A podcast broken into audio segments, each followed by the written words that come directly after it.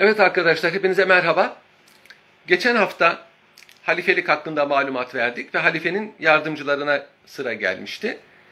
Şimdi halife daha önce evet maalesef e, normal kamerayla e, bir türlü bağlantı yapılamadı. Kamera gösteriyor fakat bir problem var. Neyse bu hafta böyle idare edelim. Evet şu anda Instagram'dan da canlı yayın yapıyoruz. Arkadaşlar halifenin üç fonksiyonu yani yasama, yürütme ve yargıyı bir arada üstlendiğini söylemiştim. Daha önce anlatmıştım. Fakat bunları tek başına yerine getirmesi neredeyse imkansızdır. Onun için bunu yardımcıları vasıtasıyla yürütür ve bu e, muamele vekalet akdi çerçevesinde cereyan eder. Yani e, hükümdar, halife bu vazifelerini yerine getirirken vekiller tayin eder. Bu vekiller onun namına işleri yürütür. Bu o, vekiller umumi vekiller olabilir. Yani bütün işlerde halifenin naibi ve vekili olabilirler. İşte Osmanlı'daki veziri azamlar böyledir. Bunlar hususi işlerde, belli işlerde e, padişahın e, vekili e, olabilirler. Mesela ordu kumandanları, valiler e, böyledir. E, bir de umumi işlerde ama hususi olarak e, vazifelendirilen kişiler vardır. Mesela Kadül Kudat gibi, vergi e, tahsildarları gibi veya hususi işlerde ve hususi salayetlerini kullanan kimseler vardır. Mesela bir beldenin hakimi, efendim bir beldenin tahsildarı böyledir.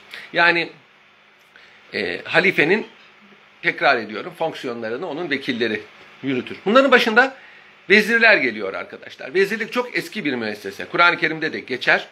Hz. Musa'nın kardeşi Harun'un vezir olduğu anlatılır. Bazı müsteşrikler vezirlik müessesesinin e, İran'ın fethinden sonra Hazreti Ömer devrinde e, Müslümanlara geçtiği söylenirse de doğru değildir. Yani vezir baştan beri bilinen bir müessese. Vezir yük taşıyan demektir. Vizir Arapça yük demek. Vezir yük taşıyan demektir. Bu müessese çok eskiden beri var. Vezirler iki türlüdür arkadaşlar. Veziri tefviz, veziri tenfiz. Tefviz kendisine bir şeyler e, verilen, salahiyet verilen kişidir e, padişah namına, halife namına o işi yapar.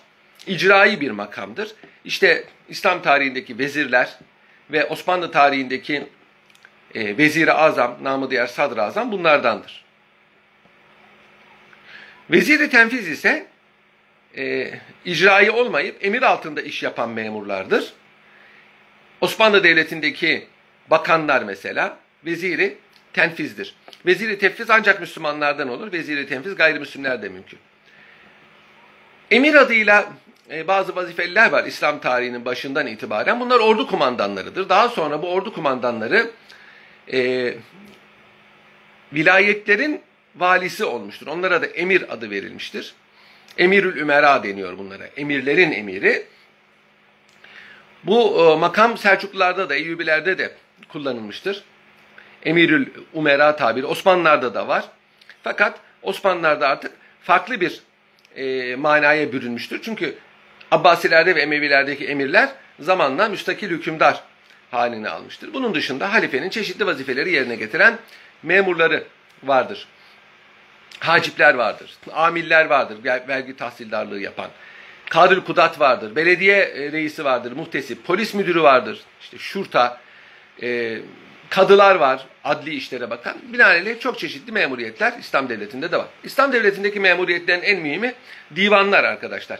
Bu divan müessesesi hakikaten İran'dan Müslümanlara gelmiştir. İsim de zaten Farsça bir isimdir.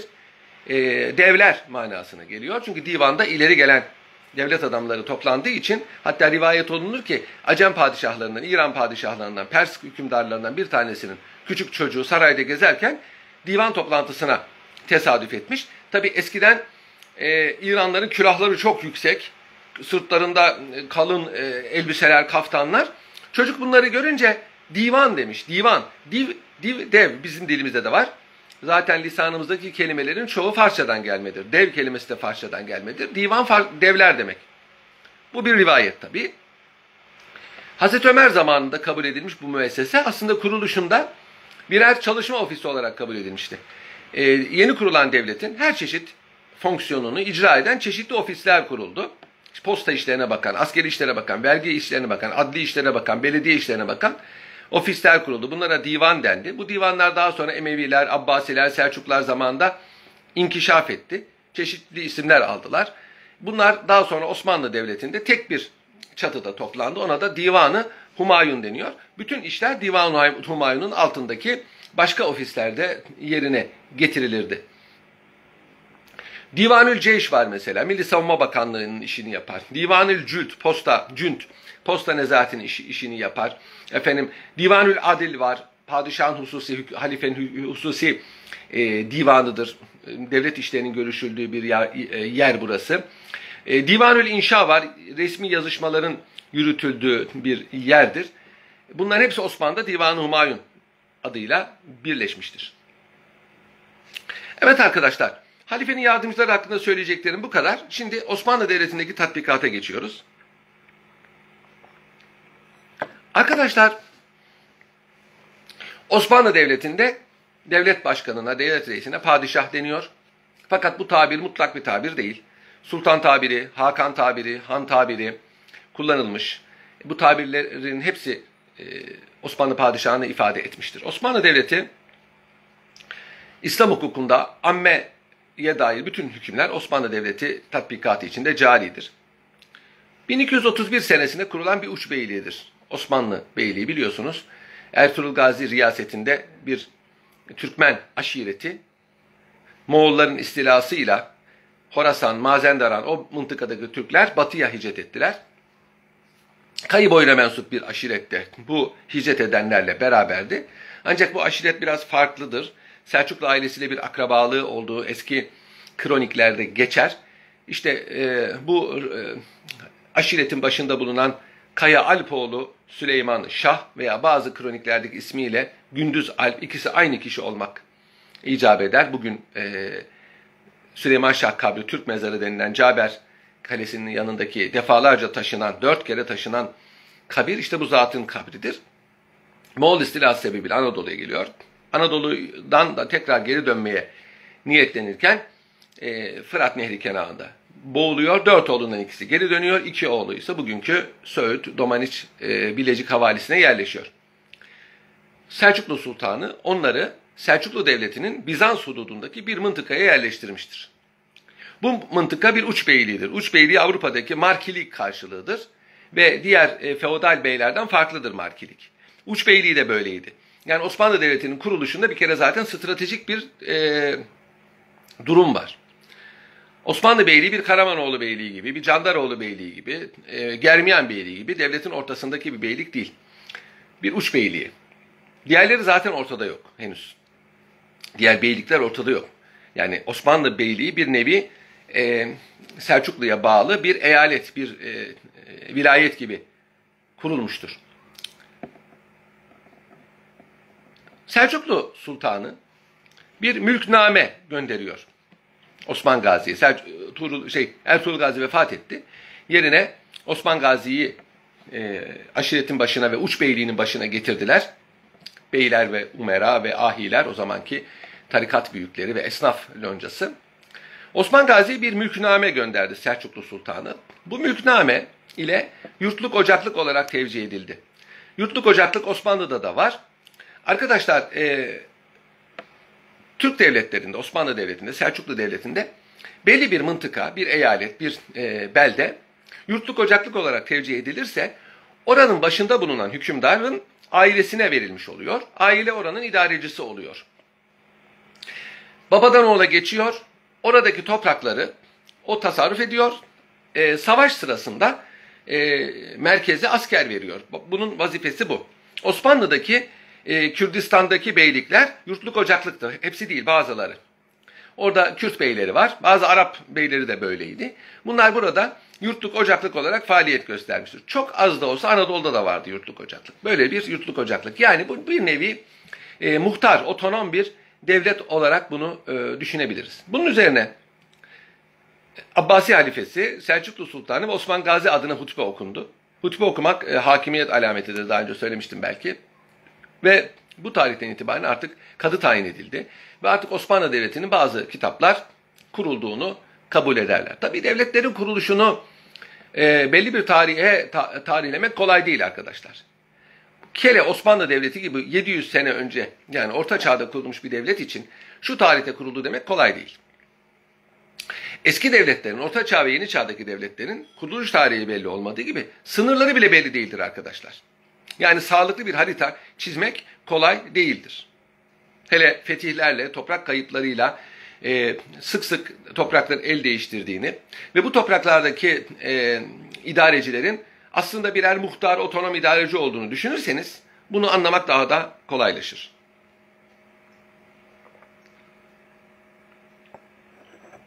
Türkiye Cumhuriyeti ne zaman kurulmuştur? Buna nasıl bir cevap verirsiniz?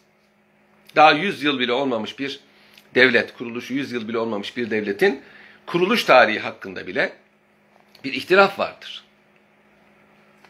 Kimine göre çok idealist olarak 19 Mayıs 1919'u verirler.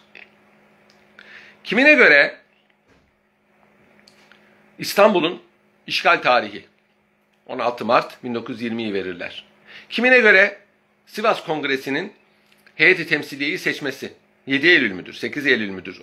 Tam emin değilim o heyeti temsiliyenin vazifelendirilme kurulma tarihinden. 1920'yi 19 özür dilerim verirler devletin kuruluşu için. Ki bu da bunlar hep makul görüşlerdir. Çünkü artık bir hükümet teşekkül etmiştir Sivas Kongresi ile. Paralel bir hükümet, alternatif bir hükümet. İstanbul hükümetine paralel bir hükümet Anadolu'da kuruluyor. Aslında Yunan Harbi devam ederken Anadolu topraklarında iki devlet var. Birisi merkezi İstanbul'da olan Osmanlı Devleti, ikincisi e, merkezi Ankara'da olan Ankara hükümeti. Bunlar iki ayrı devlettir aslında. Sivas Kongresi mi? İstanbul'un işgali mi? Yoksa 23 Nisan 1920'de Ankara'da e, meclisin açılışı mı? Yoksa 1 Kasım 1922'de Osman e, saltanatın kaldırılması mı? Yoksa 29 Ekim 1923'te Cumhuriyet'in ilanı mı? Şimdi herkese sorsanız Türkiye Cumhuriyeti ne zaman kuruldu? Herkes 29 Ekim 1923 diyor. Peki ondan önce ne oldu? İşte o 3 seneyi e, tayin etmek zor. Bana sorarsanız Sivas Kongresi ile kuruldu. Türkiye Cumhuriyeti.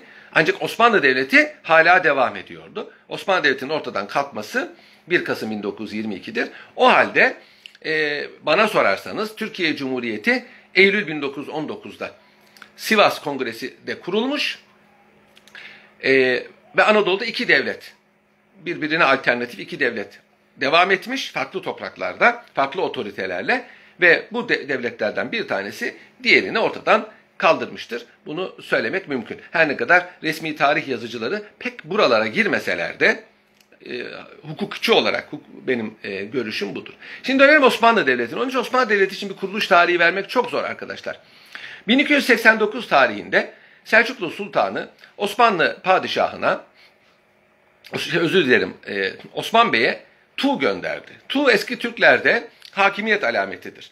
Her e, idarecinin bir tuğu vardır. Mesela padişahın 9 tane tuğu vardır. Tuğ bir mızrak, düşünün mızrağın üzerinde at kılı bağlıdır. Bu bir e, Türk örfüdür, hakimiyet alametidir.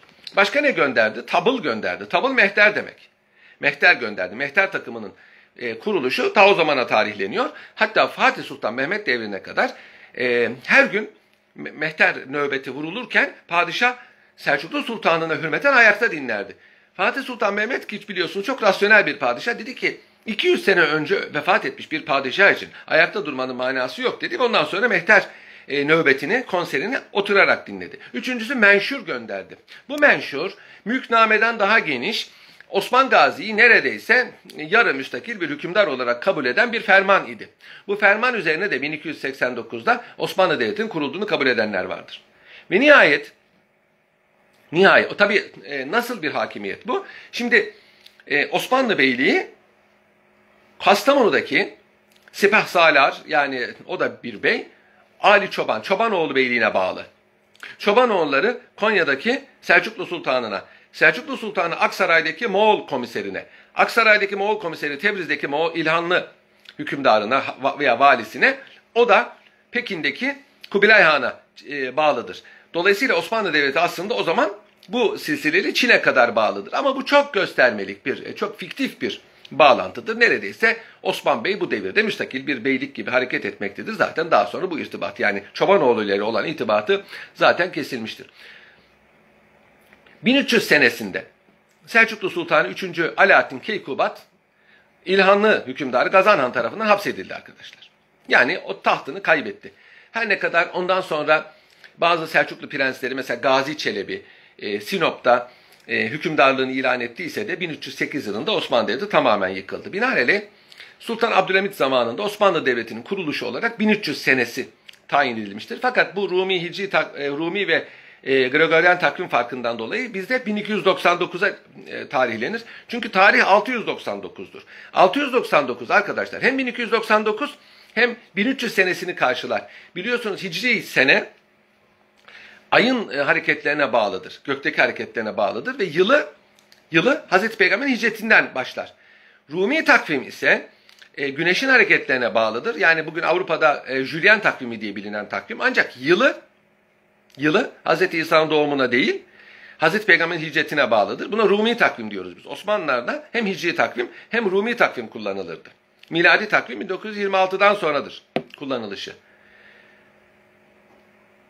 Bir yıl bu sebeple mesela muadili olan yıllar farklı olabilir. İşte 1299, 1300, 1299 almışlar. Yani 1300 ise 1299'da başlatmak da ama bu yanlıştır. Tarihlerin bu tespiti yanlıştır. Osmanlı Devleti 27 Ocak 1300 tarihinde kurulmuştur. Nitekim Sultan Abdülhamit o zaman Marif Nezaretine bir talimat verdi. Osmanlı Devleti'nin kuruluşunu tespit edin diye. Onlar bu size anlattığım tarihlerden 1300 senesini tespit ettiler ve Sultan Abdülhamit devrinden beri Osmanlı Devleti'nin kuruluşu 1300 olarak kabul edilir. Ama dediğim gibi bu o, tarihler size kalmış biraz.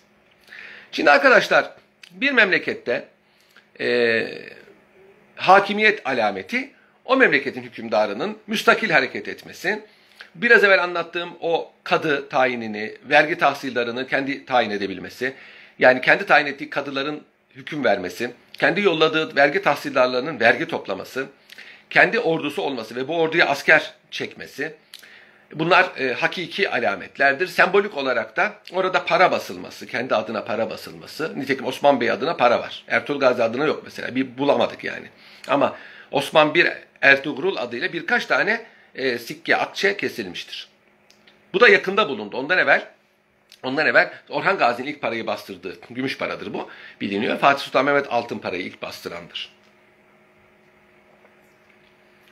Cuma namazında hutbede isminin okunması e, bunlar e, göstermelik e, alametlerdir. Dediğim gibi padişaha çok çeşitli isimler veriliyor. Padişah şahlar şahı, büyük şah manasına gelir. İmparator demektir. İrani bir tabir. İran hükümdarlarına mitolojide padişah derler. Osmanlı hükümdarlarına da padişah denmiş. Ama bu ille kullanılan bir tabir değil. İşte biraz evvel söylediğim gibi sultan Arapça, han, hakan eski Türkçeden Arapçalaşmış kelimeler, hüdavendigar, hünkârın e, bozması, şehriyar, emiril müminin, sultanı iklimi Rum, Mesela öteden beri Osmanlı padişahlarının kullandığı Sultanı İklimi Rum. Rum beldelerinin hükümdarı demektir. Şimdi bazıları diyor ki e, Sultan Fatih İstanbul'u fethederek aynı zamanda Doğu Roma İmparatoru oldu. Bu yanlıştır arkadaşlar. Çünkü bunlar hoşlarına gidiyor böyle şeyler. Fantazi. Bir de bu Sultan Fatih hakkında böyle e, hakikatte var olmayan bazı şeyler vehmediliyor. Sultan Fatih büyük bir hükümdardır. Yani eşi benzeri yoktur. Osmanlı padişahları içinde, Türk İslam büyükleri içinde, dünya hükümdarları içinde de benzeri bulunmayan bir hükümdardır. Her cihetle yüksek meziyetlere sahip bir hükümdar. Bu hükümdarı herkes farklı bir tasavvur e, zeminine oturtmak istiyor. O bir tarafa. E, ondan önce de Osmanlı padişahlarının iklimi Rum hükümdarı e, dediğini biliyoruz. Çünkü ee, Anadolu Rumelidir. Yani diyar Rum'dur. Rumlardan alındığı için Araplar Anadolu'ya Rum ili derlerdi. Hele Balkanlar daha da Rumelidir. Binaenaleyh Osmanlılar'da da burası Rumlardan alındığı için Sultan iklimi Rum yani Rumlardan yani Romalılardan alınan toprakların hükümdarı manasını Osmanlılar kullanmıştır. Nitekim Yavuz Sultan Selim'e kadar Osmanlı padişahlarının toprakları Sultanı iklimi Rum ünvanının icabıydı. E, nitekim e, Anadolu Selçuklularına da Rum Selçukluları Selacıkayı Rumiye, Rum Selçukluları derler. Çünkü burası Rum beldesidir. Osmanlı Devleti'nin klasik çağında Rum eyaleti vardı. Baş şehri, merkezi Sivas. Çünkü Romalıların ilk toprağı orasıydı arkadaşlar. Onun için Fatih'in İstanbul'u fethetmesiyle Doğu Roma İmparatoru olması veya e, Bizans müesseselerini kabul etmesi doğru değil. Bazı Bizans müesseseleri ondan önce de kabul edilmiştir. Hatta Emeviler zamanından beri kabul edilmiştir. Bunlar biraz e, fantazi. Osmanlı Devleti'nin resmi adı Devlet-i Aliye'dir. Devlet-i Aliye aynı zamanda imparatorluk manasına gelen bir tabir arkadaşlar. Fatih Sultan Mehmet devrine kadar bir beylikti. Bu beyliği küçümsemeyiniz. Beylik devlet karşılığıdır. Yani bugün Türkiye Cumhuriyeti gibi, Belçika gibi bir devletti. Beylik, krallık demektir. Ancak Fatih Sultan Mehmet'ten sonra artık imparatorluk olmuştur. Bu imparatorluğun emperyalizmle de bir alakası yoktur. Yani Fatih Sultan Mehmet'ten itibaren Osmanlı Devleti için biz Osmanlı İmparatorluğu tabirini kullanıyoruz. Çünkü yeni yeni hükümdarlıklar ve devletler Osmanlı Devleti'ne bağlanmıştır. Bir devletin tacı altında eğer başka taşlar da varsa, yani bir devletin hükümdarına başka hükümdarlar tabi sonra imparatorluk derler. Roma gibi. Roma İmparatorluğu, İslam İmparatorluğu, Selçuklu İmparatorluğu gibi. Değilse, mesela Rus İmparatorluğu gibi. İngiliz İmparatorluğu gibi. Böyle değilse, tek hükümdar varsa o zaman orası bir devlettir. Osmanlı'da buna beylik deniyor. Osmanlı İmparatorluğu'nun imperyumla alakası var. Yoksa emperyalizmle alakası yoktur. Devleti Aliye. Devlet Aliye Osmanlı, Osmaniye değil. Devlet Osmaniye değil. Devlet Ali Osman değil. Bunlar e, bazı yazarların yakıştırmalarıdır. Osmanlı'nın resmi ismi bu. Devleti Aliye. Hatta Osmanlı ismini bile kullanmıyor. Çünkü zaten tek devleti Aliye kendini kabul ediyor. Diğerleri ayırt edici isim alırlar. Osmanlı padişahı öyle. Kayseri Rum da deniyor. Evet. Osmanlı padişahları için Yıldırım Sultan Bayezid için mesela Kayseri Rum tabiri kullanılmıştır. Roma İmparatoru e, için kullanılan tabirdir. E burada e, Fatih Sultan Mehmet'ten itibaren değil, ondan önce de bu tabirin kullanıldığını biliyoruz. Osmanlı ülkesi için memaliki mahrusa tabiri kullanılır. Korunmuş eyaletler demektir. Bunlar resmi jargonda kullanılan isimlerdir. Devleti Aliye, memaliki mahruslar. Ünvanlar çok ehemmiyeti değil ama bazı ipuçlarını bize gösteriyor. Yani e, Osmanlı Devleti, Osmanlı Devleti Roma İmparatorluğu'nun bir devamı değildir arkadaşlar. Osmanlı padişahı da Roma İmparatoru değildir. Her ne kadar Ortodoks Rumlar böyle görseler de. E, çünkü İstanbul Patrikliği, İstanbul Patrikliği e, Roma İmparatorluğu'yla kaimdir. Onun için e, Rumlar Osmanlı padişahını e, Roma Kayseri, Roma İmparatoru olarak kabul ederler. O zaman e, Patriğin e, idari statüsü de bir zemine oturmuş oluyor. Ama Türkler hiçbir zaman böyle bir şey kabul etmemişler. Yani Osman çünkü Doğu Roma İmparatorluğu bambaşka bir misyona, bambaşka bir vizyona, bambaşka esaslara dayanan bir devlettir. Osmanlı Devleti bambaşkadır. Osmanlı İmparatorluğu Doğu Roma'nın devamıdır. Ee, şöyle de, denebilir. Yani Doğu Roma ortadan kalktı, onun topraklarına varis oldu, halef oldu. Tamam bu söylenebilir ama devamıdır sözü yanlıştır. Ondan önce de Osmanlı Devleti vardı. Selçuklu'nun devamı Osmanlı belki denebilir. O da çok doğru değil ama belki bir ihtimal denebilir. Ama Osmanlı Devleti Doğu Roma'nın devamı değildir. Böyle görülmüştür ama. Böyle diyenler olmuştur. Hatta İtalyanlar, bilhassa Floransalılar, Mediciler madalyon bastırdılar. Üç tane taç var üstünde. Biri Doğu Roma İmparatoru, biri gelecek İtalya'yı fethedecek Batı Roma İmparatoru, bir de Osmanlı hükümdarı, Türklerin hükümdarı. Üç tane taç bunu sembolize eder deniyor. Bellini'ye, Gentile Bellini'ye yaptırmış bu madalyonu. O zaman e, Medicilerin hükümdarı bir fantaziydi bu. Fatih'in İstanbul'u da fethetmesi isteniyordu.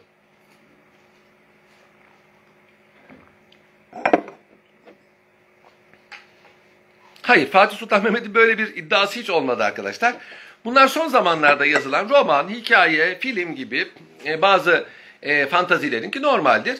Ve bazı ilim adamlarının, tarihçilerin de nedense meseleleri yanlış anlamasından doğan, işte bu anlattığım mesele mesela, yani Osmanlı ülkesine İklimi Rum deniyor, Rum toprakları deniyor. Bunlar habersiz kişilerin e, söylediği fantazilerdir. Fatih Sultan Mehmet tenezzül etmez.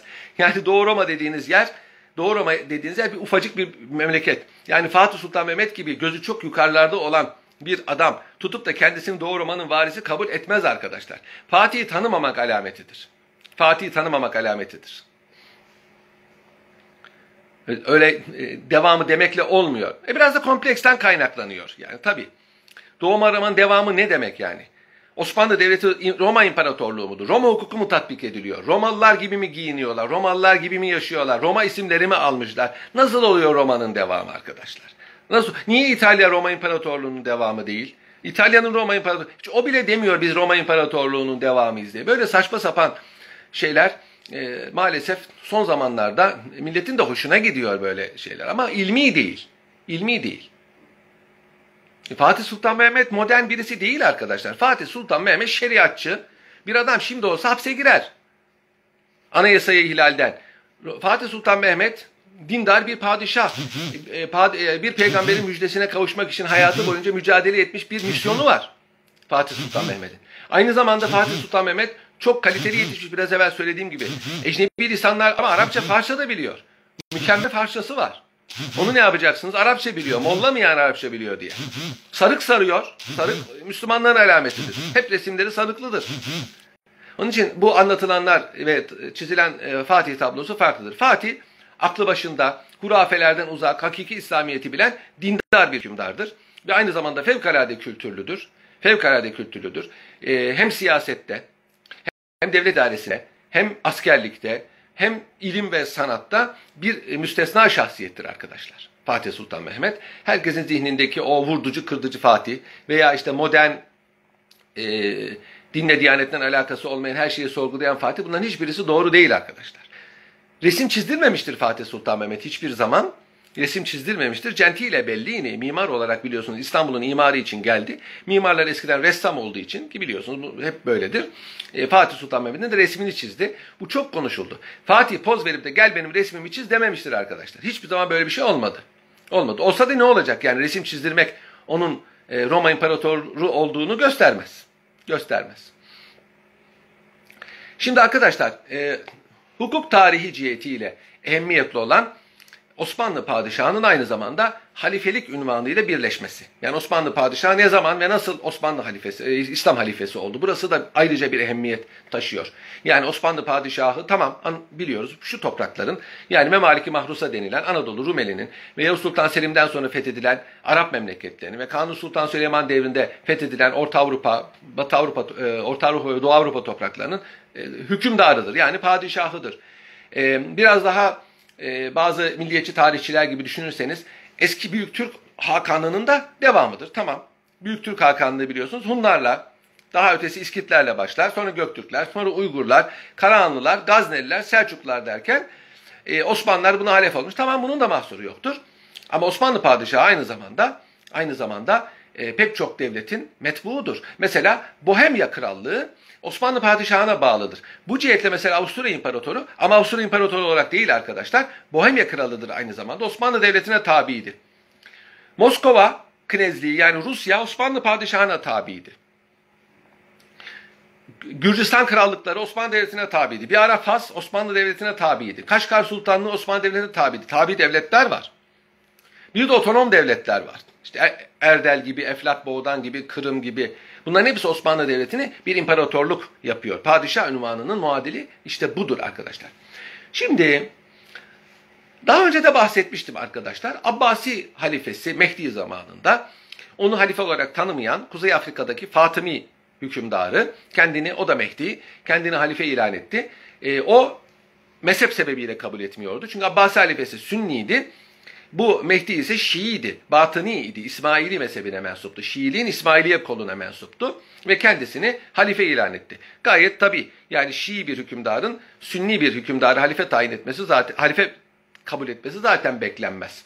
O oranın valisiydi. Zamanla kendini halife ilan etti.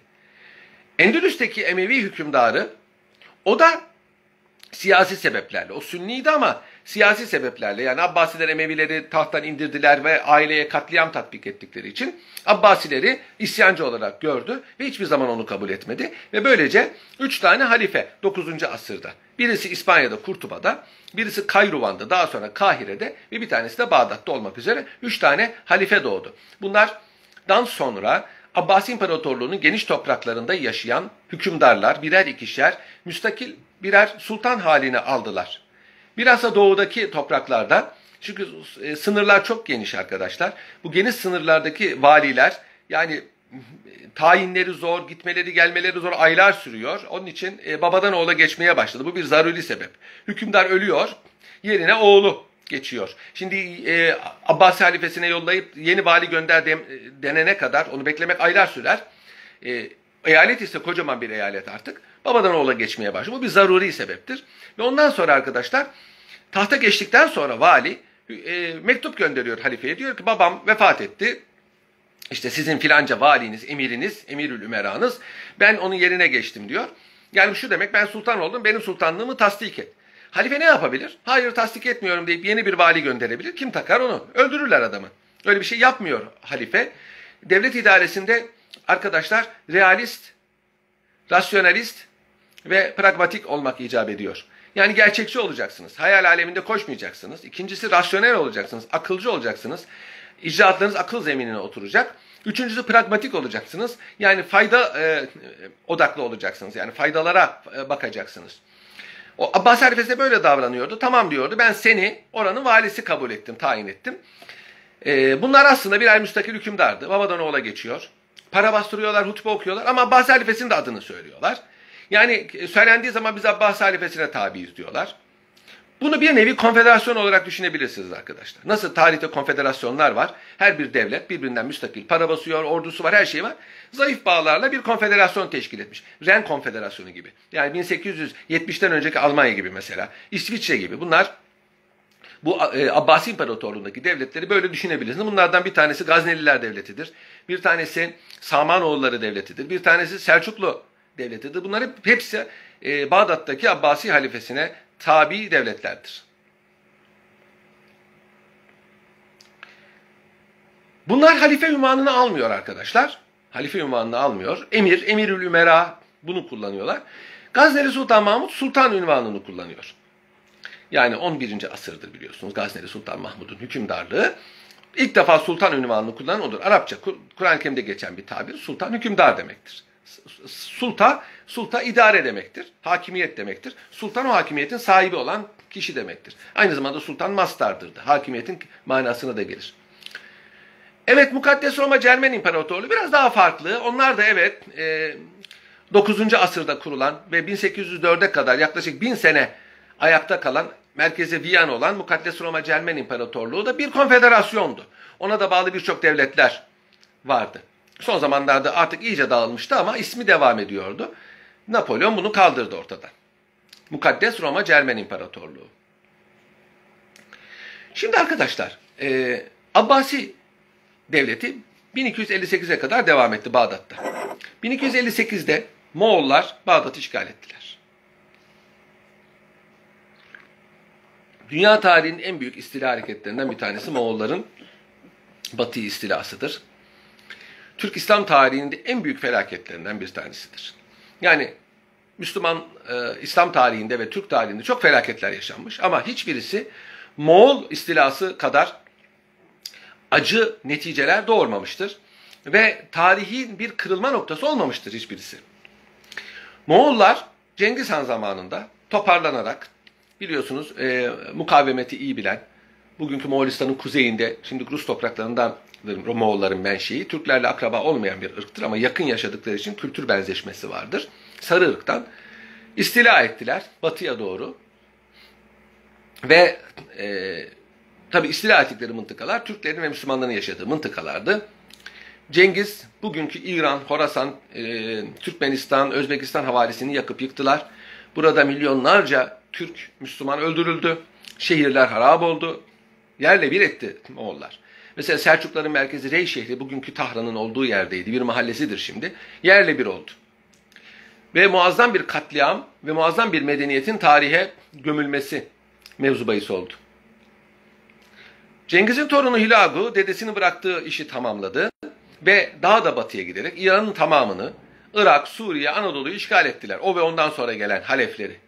Baybars Moğolları Ayn Calut denilen yerde durdurdu. Ayn Calut aynı zamanda Davut peygamberin Davut peygamberin Golyat'ı yani Calut'u öldürdüğü ve yendiği ve ondan sonra e, Yahuda, İsrail hükümdarı olduğu yerdir.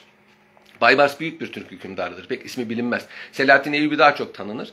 Çünkü Selahattin Eyyubi Avrupalılar tarafından da bilindiği için çok meşhurdur. Halbuki Baybars Selahattin Eyyubi'den daha büyük hizmetler yapmıştır. Hem Moğolları hem Haçlıları aynı zamanda temizleyen bir hükümdardır Baybars. Memlük Devleti'nin kurucularındandır.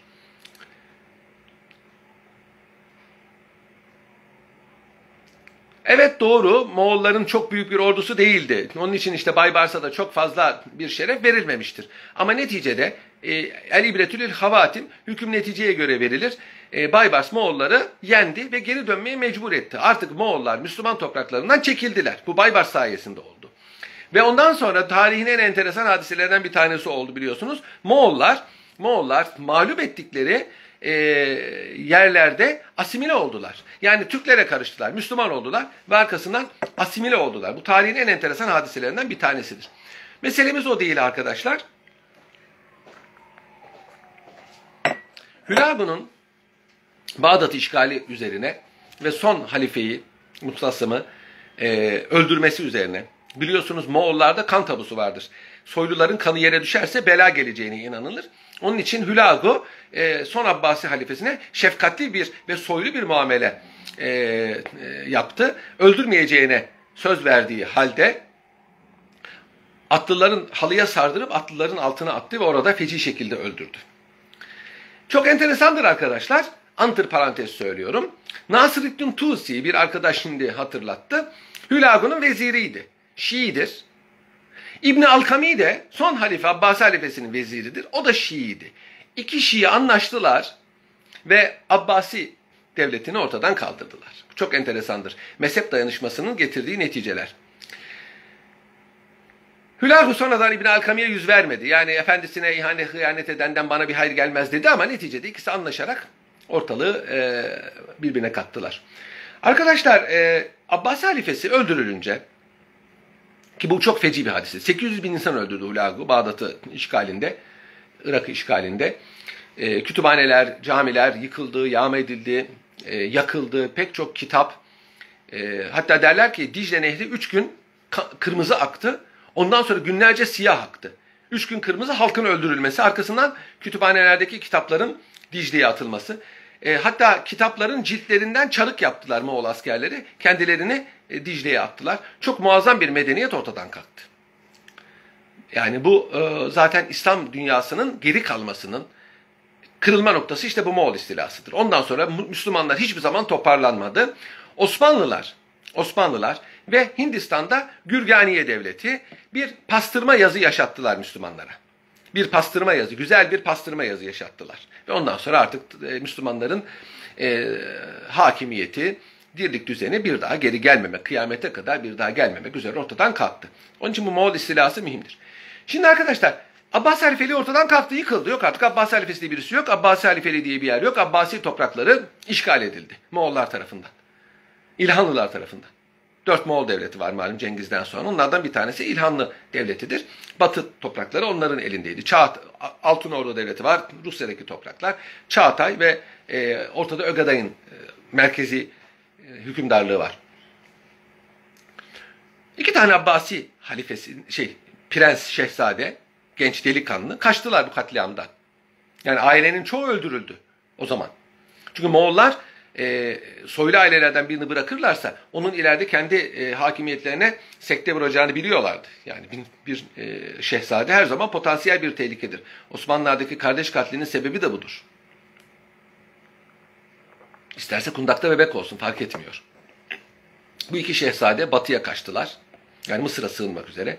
Bunlardan bir tanesi yolda vebadan öldü. İkincisi Mısır'a vardı ve Kahire'de saklandı. Bir cuma namazında Saraylılardan biri, vaktiyle Abbasi halifesinin sarayında bulunan birisi bu şehzadeyi tanıdı. Romanlara mevzu olacak bir hadisedir. Nasıl Endülüs Emevi Devleti'ni kuran Abdurrahman'ın e, Abbasi katliamından kaçıp da e, Endülüs'e gidişi, İspanya ve orada Endülüs Devleti'ni kurması nasıl bir filmlere, romanlara mevzu olacak bir hadisesi. Bu da aynısıdır.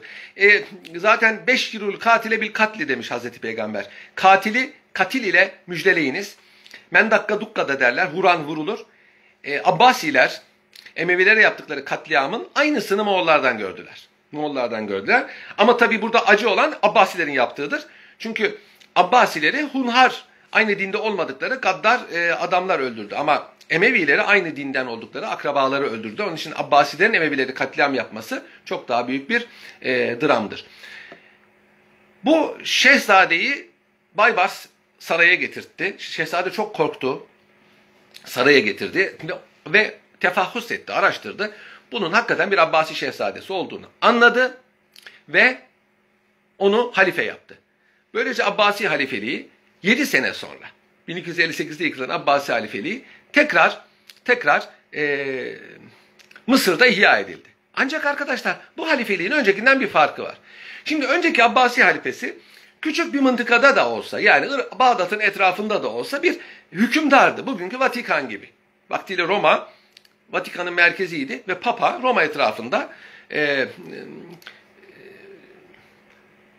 Roma devletinde pa, pa, Patrikhane devletinin başında özür dilerim papalık devletinin başında hakimdi. Aynı onun gibi Abbasi halifesi de bir müstakil hükümdardı. Toprakları küçük de olsa. Artık hiçbir toprağı yok. Tamamen sembolik. Tamamen sembolik. Tarihte bunun bir benzeri yok. Yani Büveyhoğulları, e, Deylemliler Bağdat'ı işgal ettikleri zaman padişahı yani halifeyi hapsettiler saraya. Bütün otoritesini elinden aldılar ama yine de onun devletini, onun namına yönetiyorlardı. Yani halifenin emri diyorlardı. Aslında halifenin emri değil o. Halifenin emri diyorlardı, yönetiyorlardı. Bu ondan da farklı. Abbas halifesi tamamen sembolik bir kişi. Patrik gibi e, merasimlerde bulunuyor. Memlük sultanlarının tahta geçme merasimlerinde güya o sultanı tayin ediyor. Ama bunun dışında hiçbir salayeti yok. Bütün güç Memlük sultanlarındadır. Böylece 250 sene devam etti arkadaşlar. Osmanlıların Mısır'ı fethine kadar. Ya bu Sultan Selim'in Mısır'ı fethetmesi ve Memlük Devleti'nin tarihe karışması ki Memlük Devleti bir Arap devleti değildir bilenler biliyor. Tabi Arap devleti ne değildir, Türk devletidir bu söz de garip. Bu söz de garip. Memlük Devleti ahalisinin çoğu Arap olan fakat idarecileri Arap olmayan bir devletti. Zaten Mısır'ın kaderi budur. Daha önce belki anlatmıştım. İlk Memlüklüler Kıpçak Türküydü. Sonraki Memlüklüler Çerkez'di. Son e, Memlük hükümdarı Kayıtbay da bir e, Çerkez'di. Kansu Gavri, Tomanbay özür dilerim de bir Çerkez'di. E, Kansu Gavri de bir Çerkez'di. Şimdi arkadaşlar onun için Memaliki Çerakise derler onları. Mülûk-ü Çerakise, Çerkez emirleri. Ondan öncekine de Devletü Türkiye derler. Türk devleti. Türkiye devleti ilk olarak Mısır'da kullanılmıştır. Devletü Türkiye. Memlük devletini ifade eder. Resmi adıdır Memlük devleti. Devletü Türkiye, Türkiye'lerin e, devleti demektir. Oradaki Abbasi halifesi İstanbul'a getirildi. Ve o tarihten itibaren artık hem e, halifelik yapan birisi kalmadığı için hem Mekke, Medine, Hicaz Osmanlılara bağlandığı için Osmanlı halifesi, padişahı aynı zamanda da Müslümanların halifesi olarak görüldü.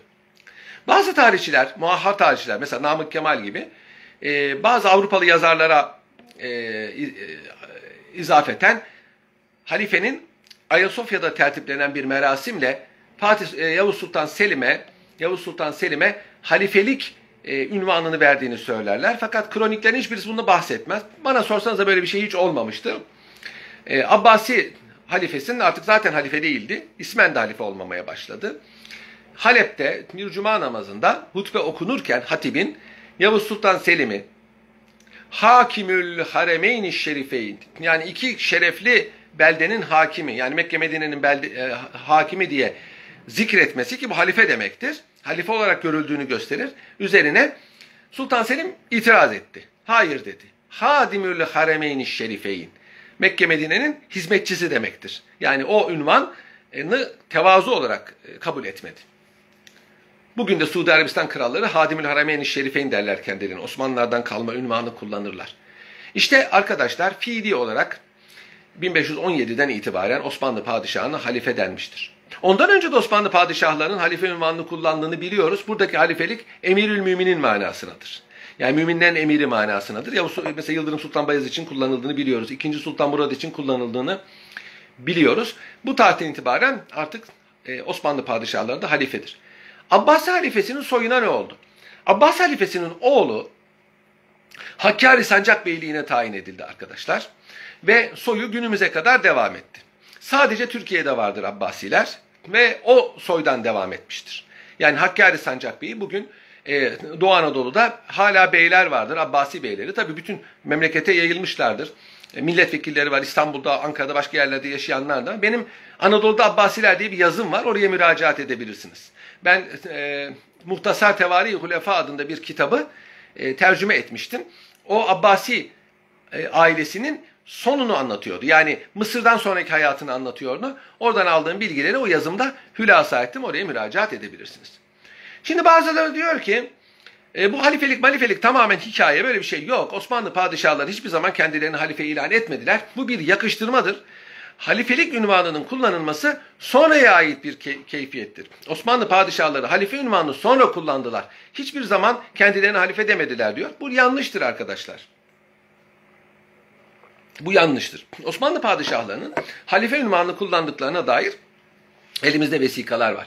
Şu doğru, halifeliği çok ön plana çıkarmadıklarını biliyoruz. Ama mesela mesela e, Yavuz Sultan Selim zamanında daha halifelik Osmanlılara geçmeden ve geçtikten sonra e, mesela Doğu Anadolu'daki Kürt beylerinin, Irak'taki, e, Arabistan'daki bazı Arap aşiretlerinin sırf halife sıfatıyla Yavuz Sultan Selim'in reisi olduğu Osmanlı Devleti'ne savaşsız bağlandığını biliyoruz.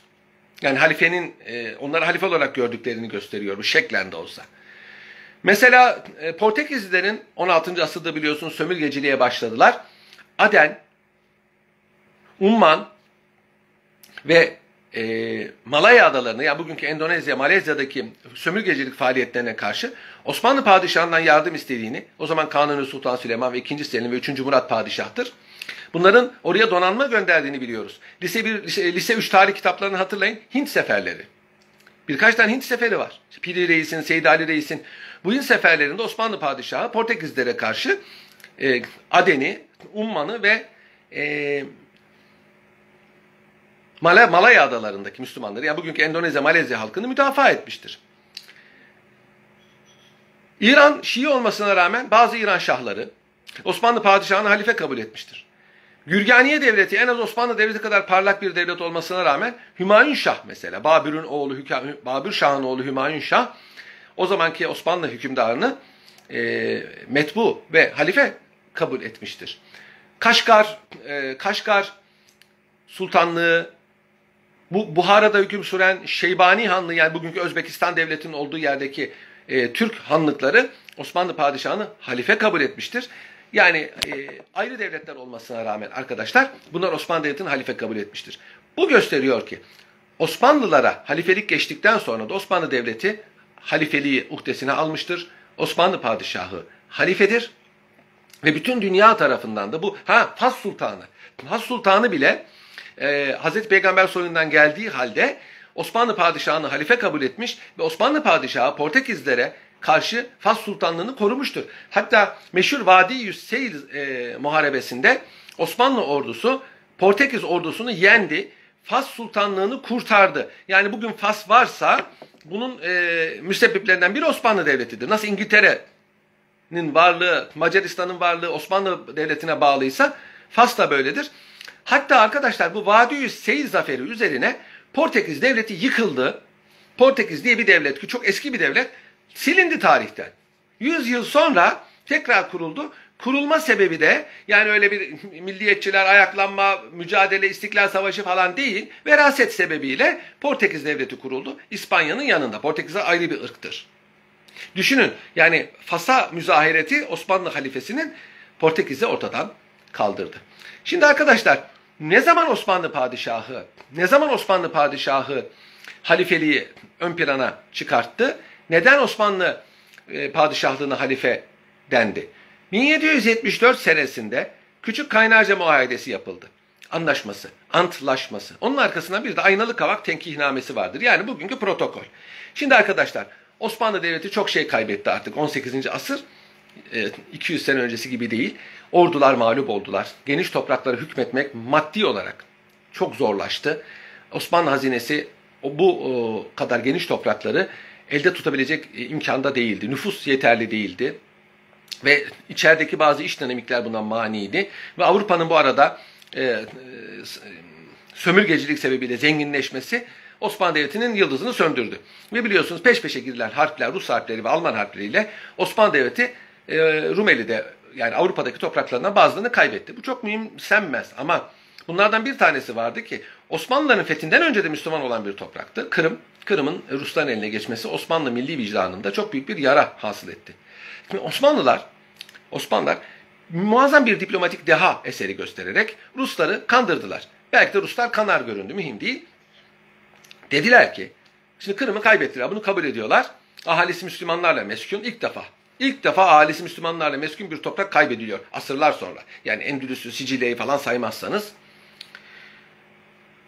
Dediler ki, Osmanlı padişahı vaktiyle e, devletin parçası olmak itibariyle Kırım'ın hükümdarıydı. Şimdi bu hükümdarlıklarından vazgeçiyor ama Osmanlı padişahının bir de halifelik sıfatı var. Yani bir kişide iki sıfat toplanmış. Biri Osmanlı padişahı, diğeri e, Müslümanların halifesi. Evet, toprağını kaybetti ve Osmanlı padişahı olarak artık Kırım'dan vazgeçiyor ama orada yaşayan Müslümanlar üzerinde halifeliğin icap ettirdiği bir hakkı vardır dediler. Bunu Ruslar kabul etti. Bunun neticesi arkadaşlar çok mühimdir. Böylece Osmanlı padişahı Kırım'daki vakıflar, camiler, medreseler üzerinde doğrudan salahiyet sahibi. Buraya müftü tayin ediyor, kadı tayin ediyor. Buradaki Müslümanlarla İstanbul arasında bir irtibat var. Bununla da kalmıyor. Daha sonra Rumeli'de kaybedilen ve ahalisi Müslümanlarla meskun topraklarda, Romanya'da, Sırbistan'da, Bosna Hersek'te, Arnavutluk'ta, Karadağ'da, Yunanistan'da, Bulgaristan'da, Kıbrıs'ta vesaire vesaire.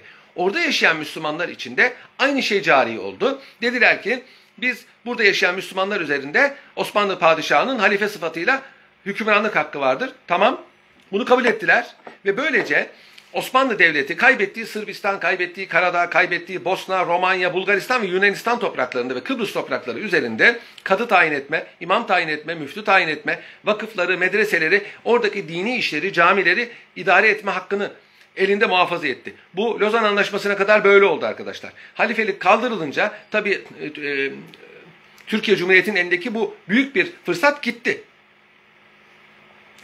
Fakat bu devletler, bu devletlerdeki yaşayan Müslümanlar yeni bir statü kurdular. O da şu, orada yaşayan Müslümanlar birer cemiyet kurdular. Oradaki devletler de bunu kabul ettiler ve Romanya'da, Sırbistan'da, Bosna'da, Yunanistan'da, Bulgaristan'da, Kıbrıs'taki Müslümanlar yine eskiden olduğu gibi sanki halife varmış gibi e, kendi hukuki işlerinde, marif işlerinde, dini işlerinde muhtar, otonom idiler arkadaşlar.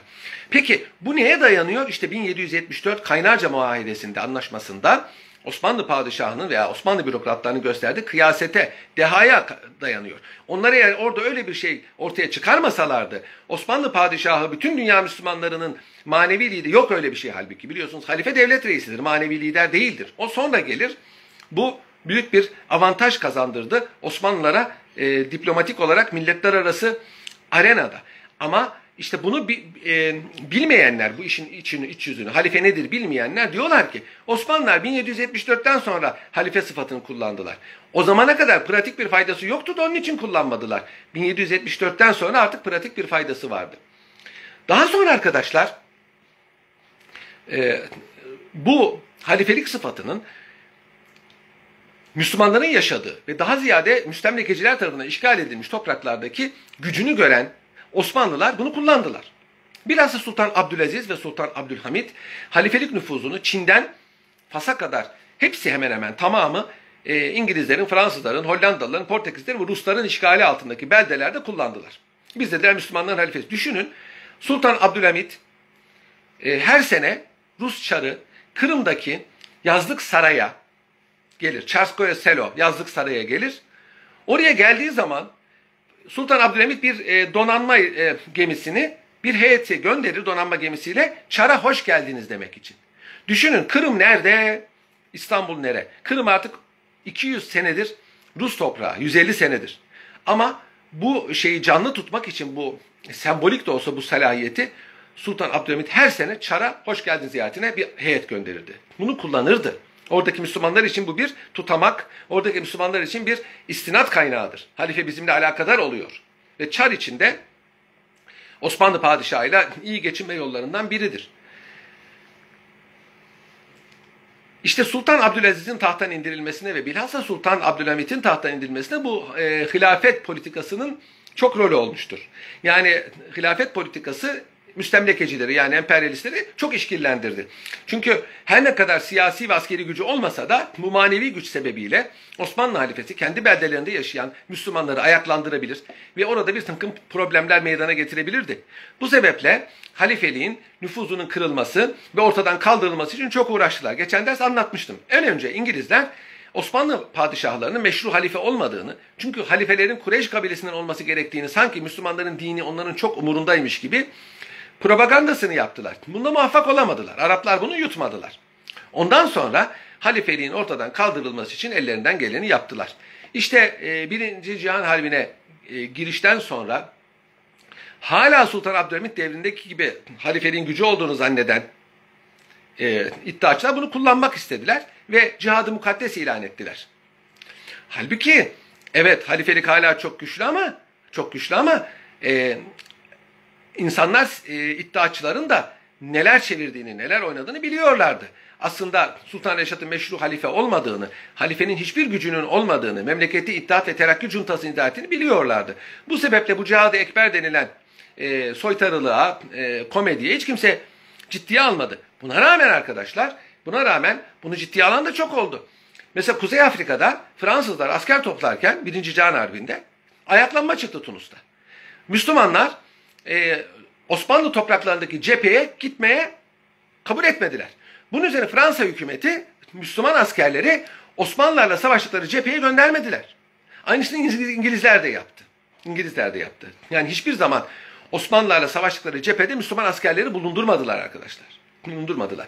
Yine aynı şekilde, yine aynı şekilde Birinci Cihan Harbi'nde bu e, Arap topraklarında yaşayanlardan her ne kadar Araplar bizi arkadan vurdu falan deniyorsa da çoğu Osmanlı ordusunda askerdiler zaten. İsyan edenler de vardı ki bu isyan edenler de haklıydı. Şimdi biz onların cephesinden bakarsak onların isyanı bir e, haklı bir isyandır. Siz nasıl istiklal mücadelesi diyorsanız, hürriyet mücadelesi diyorsanız, İrlanda İngiltere'ye isyan ettiği zaman nasıl bu bir hürriyet mücadelesi oluyorsa, aynı şekilde Arapların da o zamanki Osmanlı Devleti kalmamış artık. İttihat ve Terakki Cuntası'nın ayıklanması, ayaklanması onlar cihetiyle, onlar cihetiyle bir e, normal karşılanabilecek bir şey. Ama Arapların çoğu bu isyana katılmadılar ve Osmanlı ordusundaki faaliyetlerine, memuriyetlerdeki faaliyetlerine devam ettiler. Osmanlı halifesini e, sembolik de olsa halife olarak kabul etmeye devam ettiler. Ancak İngiltere bu politikasından vazgeçmedi. Ve 1924 1 Kasım 1922'de saltanatın kaldırılmasıyla e, enteresan bir vaziyet ortaya çıktı. Halifelik kaldırılmadı, saltanat kaldırıldı. Sultan Vahidettin ise bunu kabul etmedi. Dedi ki saltanatsız hilafet olmaz. Halife devlet reisidir. Ben bunu kabul etmiyorum. Sizin böyle bir hakkınız yok. Siz meclisseniz mecliste böyle bir hakkınız yok. Bir kere çoğu anayasa e, değişikliği bu. Anayasa değişikliğini siz öyle 3-5 tane milletvekili yapamazsınız. E, salt çoğunlukla anayasa değişikliği olmaz. İkincisi bunu devlet reisinin onaylaması lazım. Devlet reisi de benim onaylamam. Onun için böyle bir şey yapamazsınız dediler. Saltanatın kaldırması her ne kadar bir kanunlu olduysa da aslında bir darbedir arkadaşlar. Padişah bunu kabul etmedi. Kabul etmedi ve halifeliğin ayrılmasını da kabul etmedi. Bunun üzerine yani Sultan Vahidettin'in bunu kabul etmemesi ve memleketi terk etmesi üzerine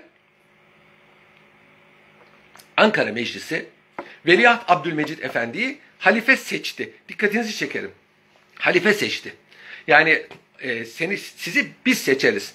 Siz veliaht olduğunuz için değilsiniz demek istedi. Birkaç tane daha namzet koydular. Gene hanedandan Selim Efendi'yi, Abdurrahim Efendi'yi ama Abdülmecid Efendi halife seçildi. Abdülmecid Efendi Ankara hareketine destek veren bir hanedan mensubuydu. Baştan beri sempatiyle bakan bir e, e, kişiydi. Ve e, elinde hiçbir salahiyet olmadan tamamen sembolik bir e, halife olarak İstanbul'da hüküm sürmeye başladı. Ankara'da bir hükümet var, meclis var, meclis başkanı var, bütün salahiyetler onun elinde. Fakat fakat bir tane e, halife var, o da İstanbul'da hiçbir salahiyeti yok. Ancak halk öyle görmüyordu. Halk bu yeni kurulan devletin, yani Osmanlı İmparatorluğu tarihe karıştı 1 Kasım 1922'de. E, bir devlet var şimdi. Ankara'da kurulan devlet, yani Türkiye Büyük Millet Meclisi hükümeti İstanbul'a da hakim oldu. Artık Osmanlı toprakları tamamen ara vereceğim arkadaşlar. Biraz birkaç dakika sonra ara vereceğim. Tamamen hakim oldu bu e, topraklara.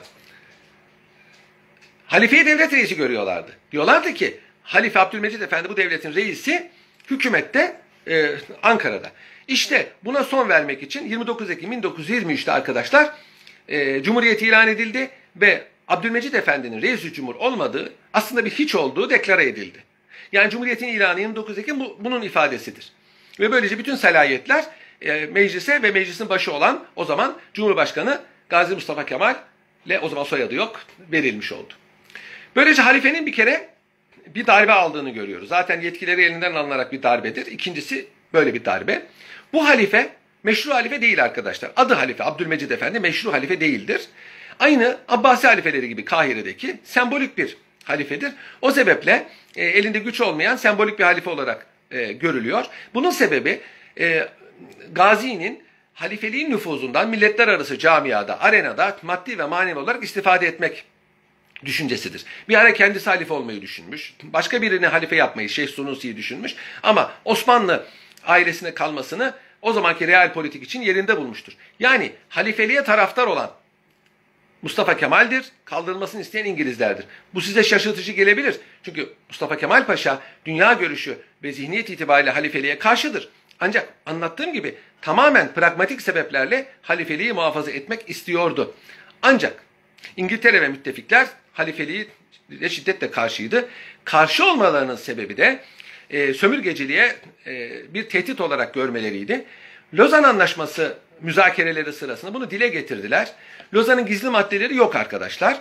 Lozan'da halifeliği kaldırılacak, kaldırılacaktır diye bir madde de yok. Ancak arkadaşlar Lozan Anlaşması'nın müzakerelerini okursanız neşredildi. Orada müttefiklerin e, iki hususta bir halifeliğin kaldırılması, iki e, İslam hukukunun kaldırılması hususunda e, delegelere baskı yaptı. Hatta bir ara Lozan Anlaşması inkıtaya uğradı müzakereler. İsmet Paşa Anadolu'ya geldi, Türkiye'ye geldi. E, Mustafa Kemal Paşa ile görüştü ve Mustafa Kemal Paşa ne diyorlarsa kabul et, barış yapmaya ihtiyacımız var dedi. Ve ondan sonra dönerek bu taahhütte bulundu. Bu taahhüdün vesikası devlet arşivlerinde de vardır. Lozan zabıtlarında da bunu görmeniz mümkündür. Ohrili Kemal Bey, İttihat ve Terakki'nin ileri gelenlerinden ve İnönü'nün ve Mustafa Kemal'in yakınlarından hatıralarında zaten bunu anlatıyor. İsmet Paşa'nın bu e, tavizle anlaşmayı imzaladığını söylüyor. Ve bunun üzerine Lozan Anlaşması imzalandı. Bu taahhütü kabul ettiler. İtalyan delegesi biz Türk tarafının halifeliği kaldıracağız ve İslam hukukunu kaldıracağız taahhüdünü kabul ediyoruz, güveniyoruz ve anlaşmayı kabul ediyoruz diye beyanatta bulundu. Anlaşmadan sonra 3, Kas 3 Mart 1924'te halifelik kaldırıldı. Halifelik kaldırıldıktan sonra İngiltere parlamentosu Lozan Antlaşması'nı tasdik etti. Biliyorsunuz parlamento tasdik etmeden antlaşma meriyete, yürürlüğe girmez. E, binaenaleyh netice itibariyle halifeliğin kaldırılması e, müttefiklerin, bilhassa İngiltere'nin, Fransa'nın istediği bir şeydi. Elbette ki Rusya, İtalya da bunu istemiştir. Düşünün arkadaşlar, Sevr Antlaşması'nda e, ve e, damat Ferit Paşa halifenin nüfuzunun korunmasında şiddetle e, ısrarcı olmuştu. E, çok enteresandır. Yani Ferit Paşa bunun ehemmiyetini bildiği için bunu e, Sevr Anlaşması'nın metnine koydurdu. Yani bu, bu tabii halifenin İtalya'da, Cezayir'de, Tunus'ta, Mısır'daki bütün Müslümanlar üzerinde manevi otoritesinin devam edeceğini gösteriyordu. Londra Konferansı, 1921 senesindeki Londra Konferansı bu sebeple inkıtaya uğradı. Yine bu sebeple inkıtaya uğradı. Fakat 3 Mart 1924'te halifeliğin kaldırılmasıyla İslam tarihinin belki en eski müesseselerinden bir tanesi, siyasi ve hukuki müesseselerinden bir tanesi tarihe karıştı. Bundan sonra Müslümanlar kendilerini bir halife seçmek için Cidde'de, Kudüs'te e, birer hilafet kongresi toplamak istediler. İşte o zaman Hindistan var e, ve bazı işgal altında da olsa, mandater de olsa Mısır gibi, Suriye gibi, Irak gibi, Hicaz gibi, Yemen gibi devletler var. Bu kongreler İngilizlerin baskısıyla dağıtıldı. Yani bunlardan bir şey çıkmadı. Mısır Kralı Fuat, Hicaz Meliki Hüseyin kendilerini halife ilan etmek istedilerse de İngilizler buna müsaade etmedi ve halifelik tamamen ortadan kalktı. Halifeliğe dair bütün müesseseler, işte Şeria Evkaf Vekaletinin kaldırılması, medreseler arkasına buna benzer bir takım inkılaplarla Osmanlı halifeliği tarihe e, gömülmüş oldu. Evet arkadaşlar, e, bir 10 dakika ara verelim. Ondan sonra inşallah devam ederiz.